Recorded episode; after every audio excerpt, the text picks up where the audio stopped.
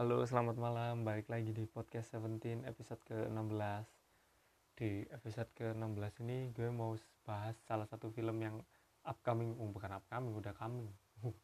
udah tayang juga di Netflix yaitu film Bucin garapan sutradara sutra sutradara sutradara Chandra Liao yaitu film Bucin dan siapa sih Chandra Liao itu Chandra Liao itu adalah seorang youtuber yang basicnya itu emang kayak dia berkecimpung di dunia-dunia filmmaker gitu loh dengan sinematografi yang cukup ciamik menurut gue.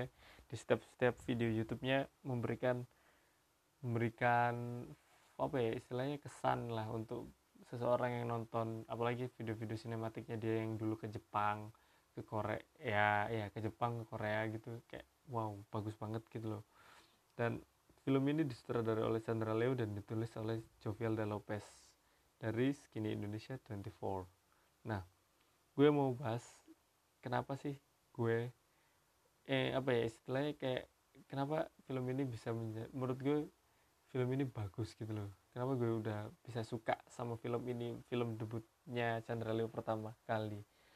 Bukan karena gue ngikutin Chandra Leo dari tahun 2014 bukan ya cuman karena film ini tuh bagus banget gitu loh. Ini adalah filmnya Chandra Leo pertama dan film garapan penulisan Jovel Lopez ketiga kalau nggak salah ya. Eh yang pertama eh nggak tahu ya. Pokoknya iya ketiga. Yang pertama The Youtubers terus modus terus bucin eh kaju koreksi ya kalau salah. Ya terus Chandra Leo ini ingin mengubah kayak ini tuh bukan sekedar film youtubers gitu loh bukan film yang abal-abal yang kayak dianggap sebelah mata bukan. Chandra Leo ingin mengubah itu semua. Dan dengan cara dia bikin film bucin yang ya aku tahu sih. Maksudnya dia itu kayak udah memaksimalkan uh, semua yang ada di isi otaknya dia untuk membuat film bucin ini sempurna gitu loh. Jadi mari kita bahas film ini. Mulai dari yang pertama kenapa gue suka sama film ini?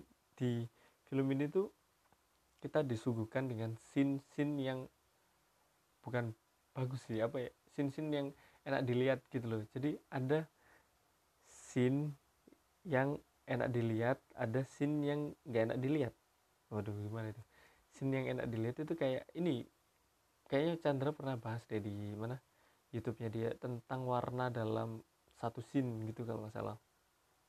Nah warna dalam satu scene itu pernah dia bahas di YouTube-nya dia di apa ya pokoknya dia itu lagi bahas editan editan gitu editan editan reedit astaga reedit namanya itu. Jadi dia tuh kayak bahas uh, beberapa macam editan gitu. Salah satunya trailernya film bucin sendiri ini dia bahas tentang tone warna.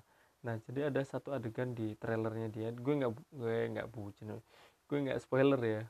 Jadi dia tuh ngebahas satu scene di mana Susan Sameh pakai baju warna merah.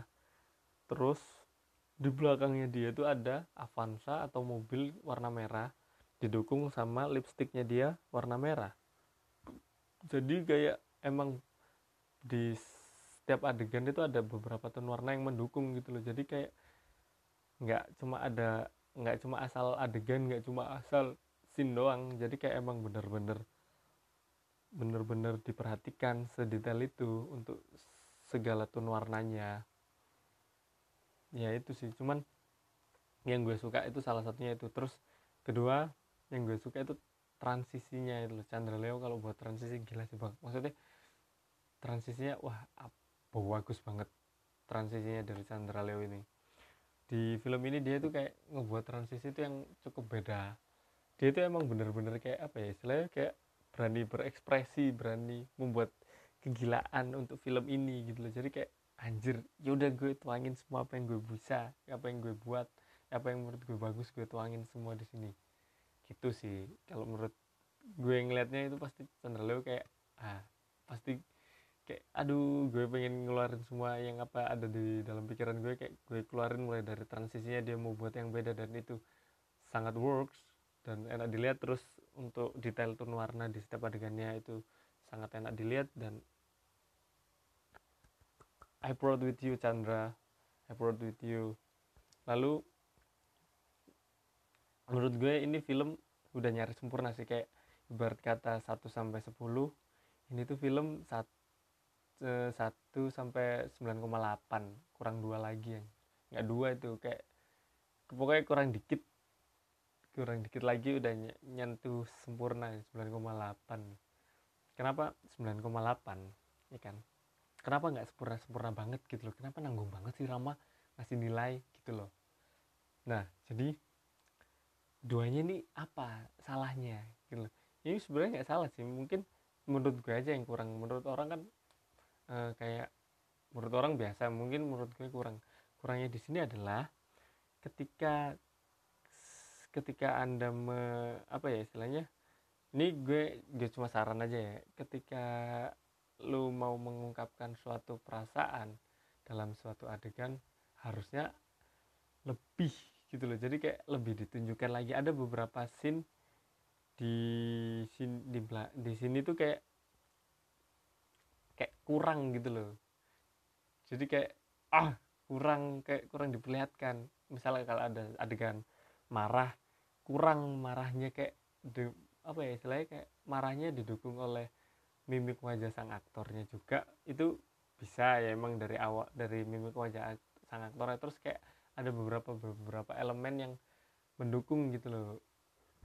Jadi kayak emang ada beberapa scene yang kayak kurang gitu loh. Terus kalau lu lagi kesel ya lu ungkapin dengan kekesalan yang yang bener-bener kesel. Kayak anjir gue kesel gitu loh. Ada beberapa aja yang kurang sih cuman overall semuanya bagus semuanya bagus. Dan menurut gue ini film bagus banget buat kalian tonton di Netflix bareng sama temen bareng sama bucinan kalian. Jangan lupa nonton film bucin di Netflix dan jangan lupa mendengarkan podcast 17 episode-episode selanjutnya. Sekian dari saya para Madinata untuk review film ini. Gue nggak tahu ya kenapa nge-review film ini karena film ini spesial. Waduh gue sebelumnya nggak pernah review film-film anjir. Pernah sih di Instagram itu pun udah berapa tahun yang lalu satu tahun yang lalu. Cuman karena film bucin gue buatin reviewnya supaya kalian-kalian ini juga nonton dan gak bucin lagi. Jadi udah ya segitu dulu aja. Terima kasih selamat malam